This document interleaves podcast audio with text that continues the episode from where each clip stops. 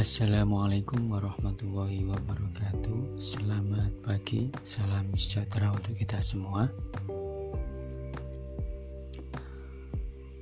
Uh, Baik, uh, ketemu lagi ya Di pertemuan ketiga ini Di mata kuliah Bahasa Indonesia ya. Uh, Kali ini kita akan membahas tentang materi ketiga yaitu pembelajaran bahasa Indonesia. Jadi berbicara bahasa Indonesia atau konsep bahasa Indonesia itu harus belajar juga. Jangan mentang-mentang kita orang Indonesia sudah paham betul tentang bagaimana caranya berbahasa Indonesia. Ada visi pembelajaran bahasa Indonesia ya meningkatkan literasi berbahasa Indonesia di kalangan sivitas akademik. Ya. meningkatkan literasi. Ini saya kasih bold ya. Biar teman-teman punya kosakata baru dalam bahasa Indonesia ya. Apa itu literasi? Ya. Istilah umum yang merujuk pada kemampuan atau keterampilan ya seseorang ya dalam membaca, menulis dan berbicara dalam berbahasa Indonesia sehari-hari. Itu literasi. Selanjutnya meningkatkan akses dan relevansi pendidikan tinggi berbasis bahasa Indonesia. Meningkatkan akses ya. Akses itu adalah jaringan. Kalau jaringan berarti kita bisa uh, mempunyai banyak teman ya banyak relasi ya yang relevan yang kuat yang bisa diajak belajar bersama di kalangan pendidikan tinggi.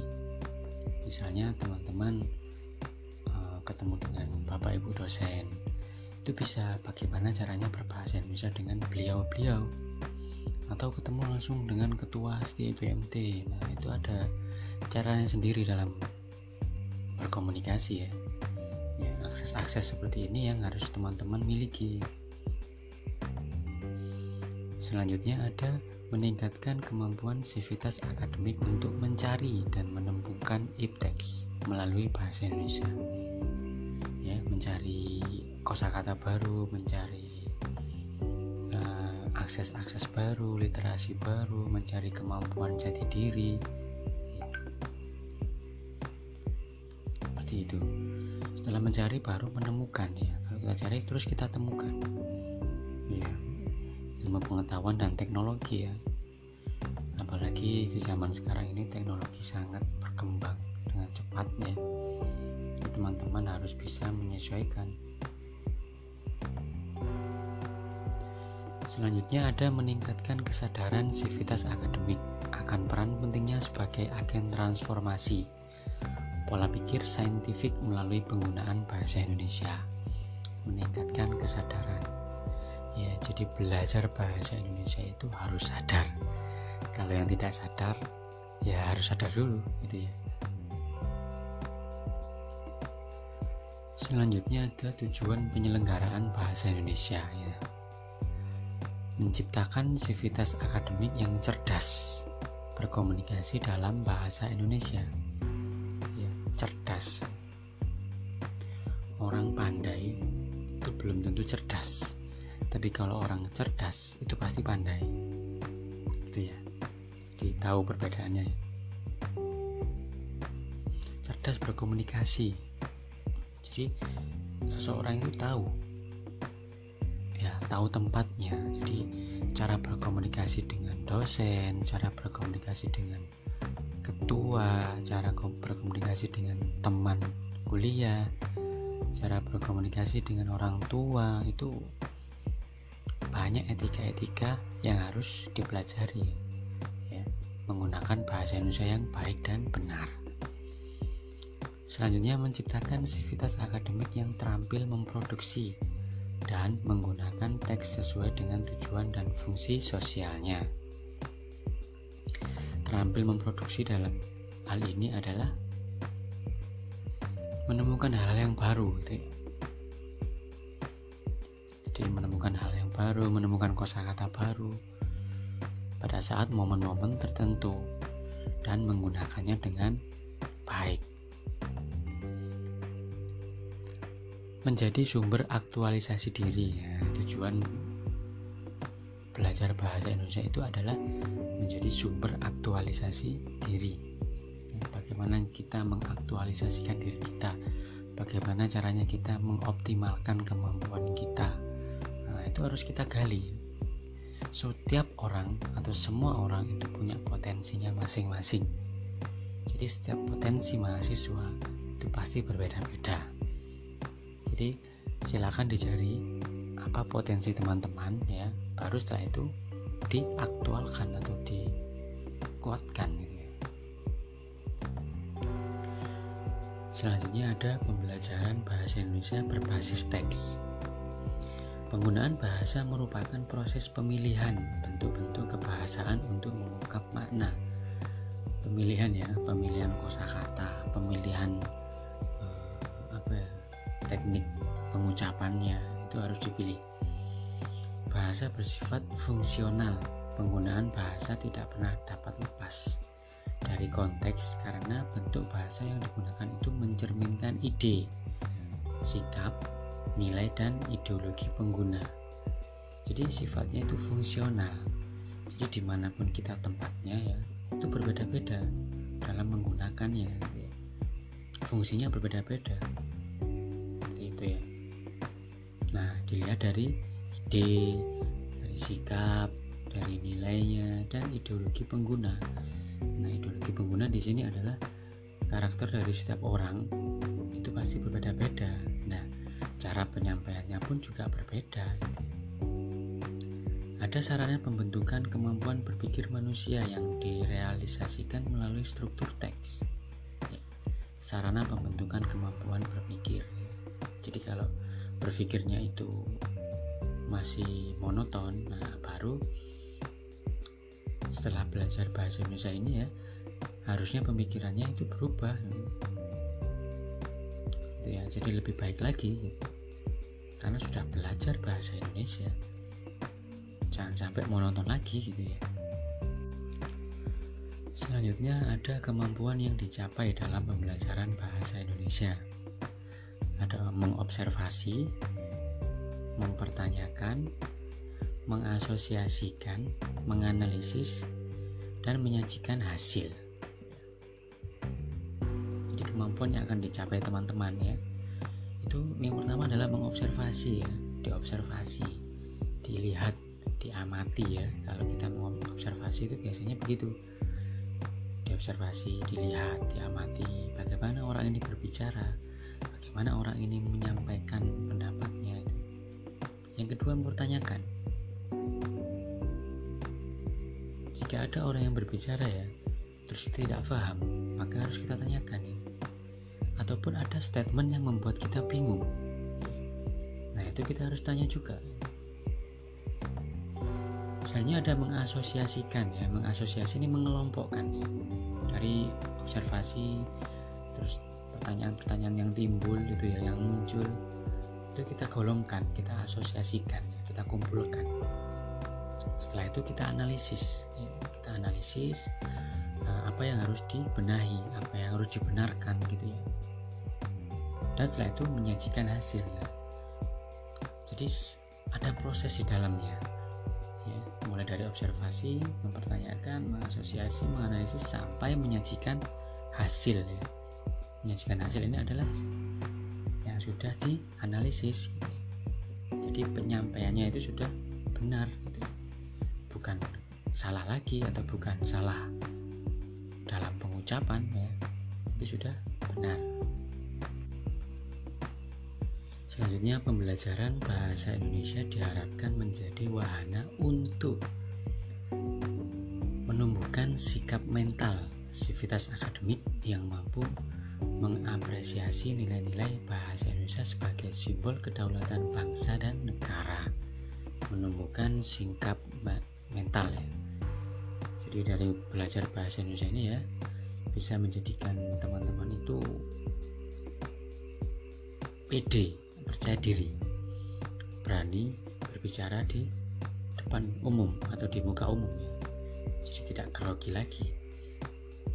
Ada memberikan pemahaman dan penghayatan keberadaan bahasa Indonesia sebagai bahasa pemersatu bangsa dan bahasa ipteks memberikan pemahaman dan penghayatan. Jadi kalau namanya belajar itu harus memahami biar lebih masuk lagi ya bukan hanya memahami lagi tapi menghayati. Ya menghayati ilmu yang kita pelajari bukan bahasa Indonesia saja. Ilmu-ilmu yang lain pun harus kita pahami dan kita hayati. Apa makna yang terkandung di dalam pembelajaran itu? Selanjutnya menyiapkan sivitas akademik agar mampu menganalisis permasalahan dan mencari solusi. Jadi setiap manusia pasti mempunyai masalahnya sendiri-sendiri. Nah bagaimana kita mencari solusinya? Nah kita analisis dulu permasalahannya seperti apa. Nah, jadi dari kehidupan sehari-hari dari komunikasi dengan tetangga dengan temannya atau dengan siapa pun menggunakan bahasa Indonesia yang baik dan benar maka kita akan bisa menemukan solusinya ya. misalnya perbedaan pendapat. Nah, katakanlah orang Jawa dengan orang Sumatera itu berbeda bahasa daerahnya berbeda. Tetapi karena ada bahasa Indonesia ya bahasa nasional maka permasalahan itu bisa terselesaikan gitu ya. Jadi perbedaan pendapat itu bisa terselesaikan menggunakan bahasa Indonesia dengan baik dan benar selanjutnya mengembangkan keterampilan berkomunikasi secara akademik baik dalam bentuk lisan maupun tulis. Ya keterampilan berkomunikasi. Ini teman-teman bisa lebih bagus lagi dalam berkomunikasi ya. Jadi berbicara bukan masalah apa namanya seperti yang kemarin kita bahas ya. E, kalau kita kontak temannya WhatsApp temannya PSS DMN apa maksudnya itu ya? Posisi di mana? Jangan-jangan kayak gitu ya. Jadi harus harus sesuai dengan bahasa Indonesia yang baik ya. Di keterampilan berkomunikasi itu akan meningkat kalau teman-teman uh, memahami dan menghayati pembelajaran bahasa Indonesia ataupun mata kuliah-mata kuliah yang lain. Selanjutnya ada kompetensi pembelajaran. Ini saya bagi dua kompetensi inti dan kompetensi dasar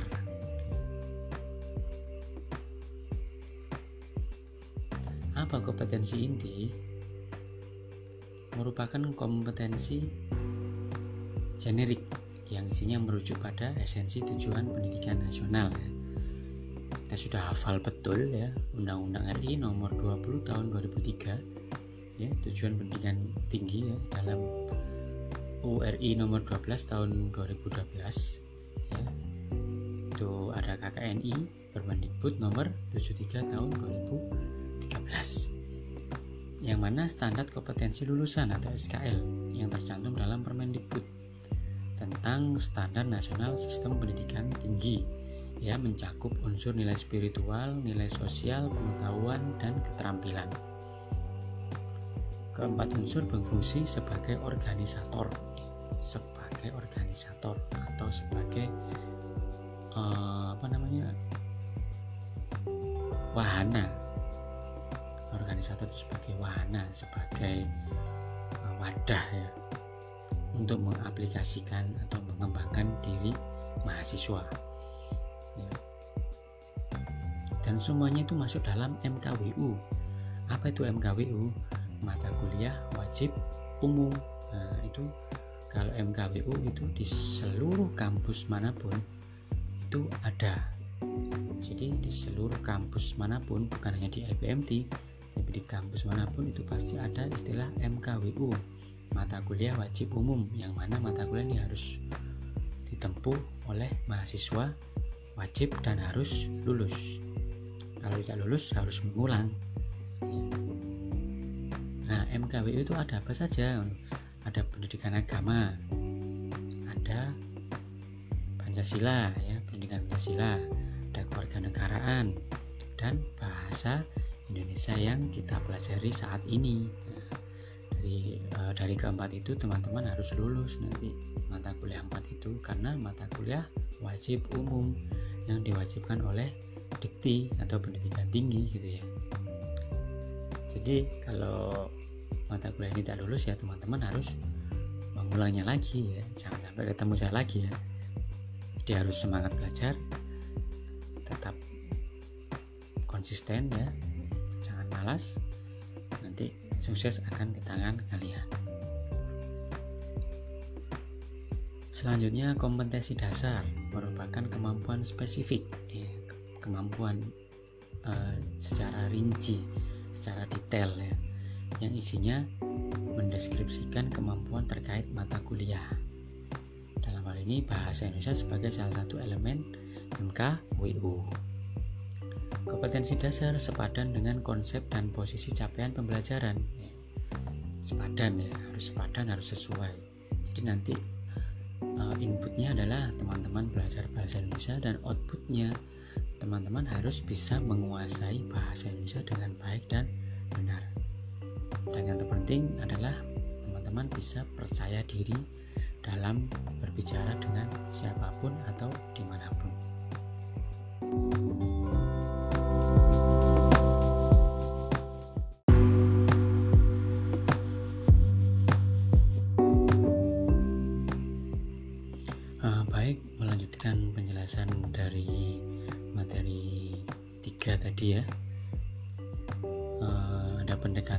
pembelajaran bahasa Indonesia. Di sini ada dua lagi, pembelajaran aktif dan pembelajaran pasif. Kalau pembelajaran aktif itu mahasiswa lebih banyak melakukan eksplorasi atau biasanya eksplor diri ya. Jadi lebih ke prakteknya ya. Kalau pembelajaran pasif itu mahasiswa cenderung melihat, mendengar dan memahami tanpa adanya eh,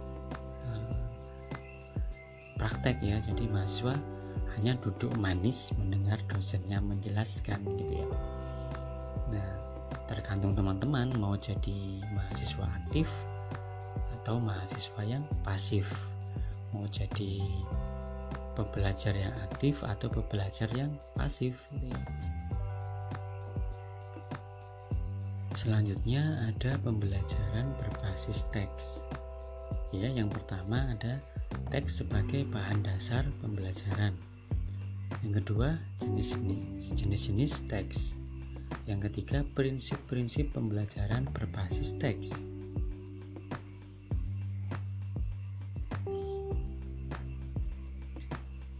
Teks sebagai bahan dasar pembelajaran ya. Di sini saya bagi dua lagi, ada konteks situasi dan konteks budaya. Apa konteks situasi dan konteks budaya?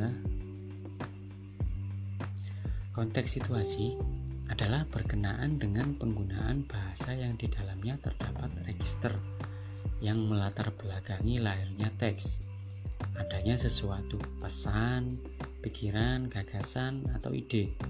Misalnya, deskripsi, laporan, diskusi, naratif ya, cerita petualangan,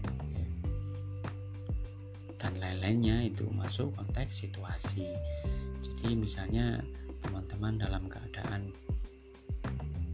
uh, di mana gitu ya di hutan atau lagi outbound gitu ya. Nah itu bisa dinarasikan ya. Itu masuk dalam pembelajaran konteks situasi. Ya karena teman-teman lagi dalam apa namanya outbound atau petualangan gitu ya Selanjutnya ada konteks budaya. Konteks budaya di sini ada tutur bahasa ya yang menjadi tempat jenis-jenis teks tersebut diproduksi. Tutur bahasa itu etika dalam berbahasa. Ya, tutur bahasa itu eh, etika, cara pengucapan itu harus ditata ya ada perbedaan. Konteks situasi merupakan konteks yang terdekat yang menyertai penciptaan teks. Ya. Jadi terdekat itu dalam hal ini adalah apa ya dalam diri kita apa yang kita lakukan apa yang kita jalani apa yang kita rasakan gitu ya sedangkan konteks budaya lebih bersifat institusional dan global jadi lebih bersifat luas ya kalau konteks budaya ini biasanya adalah uh, lebih ke wawasan luas ya wawasan global atau keadaan secara umum ya bukan bukan dekat dengan diri kita gitu ya. Bukan bukan kita yang merasakan menjalani.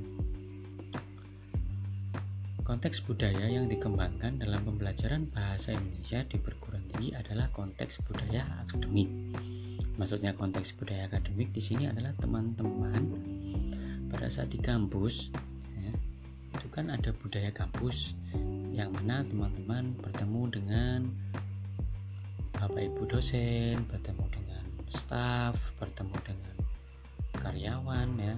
Bertemu dengan siapa pun yang ada di kampus ya.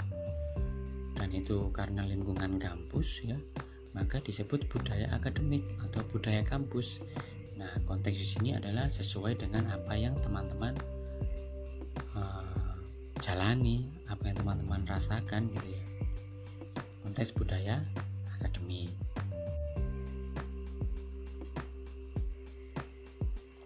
Selanjutnya ada jenis-jenis teks. Jenis teks dimaknai sebagai genre dalam arti sempit.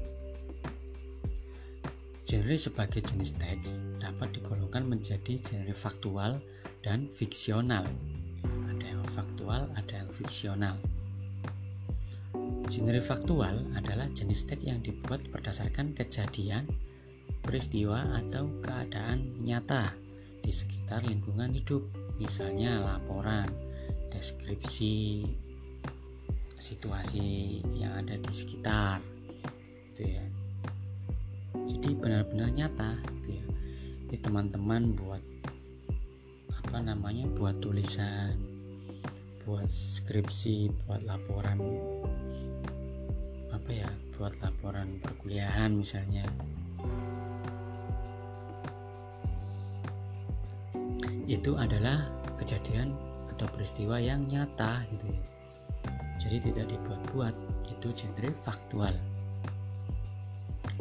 Sedangkan genre fiksional adalah jenis teks yang dibuat berdasarkan imajinasi, bukan kenyataan.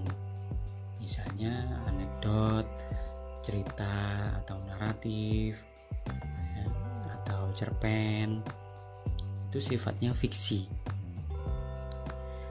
Biasanya kalau teman-teman sukanya nonton sinetron gitu ya, nah itu fiksi, itu karangan, imajinasi, itu cerita, bukan sebenarnya jadi sifatnya imajinasi itu masuk dalam genre fiksional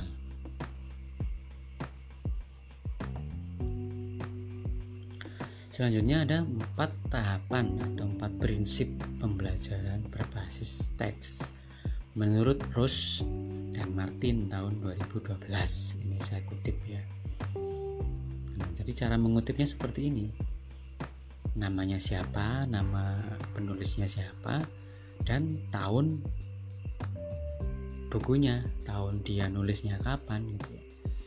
Jadi kalau ada hal apa pun misalnya teman-teman buat makalah, buat laporan, skripsi ya, pokoknya tentang artikel ilmiah.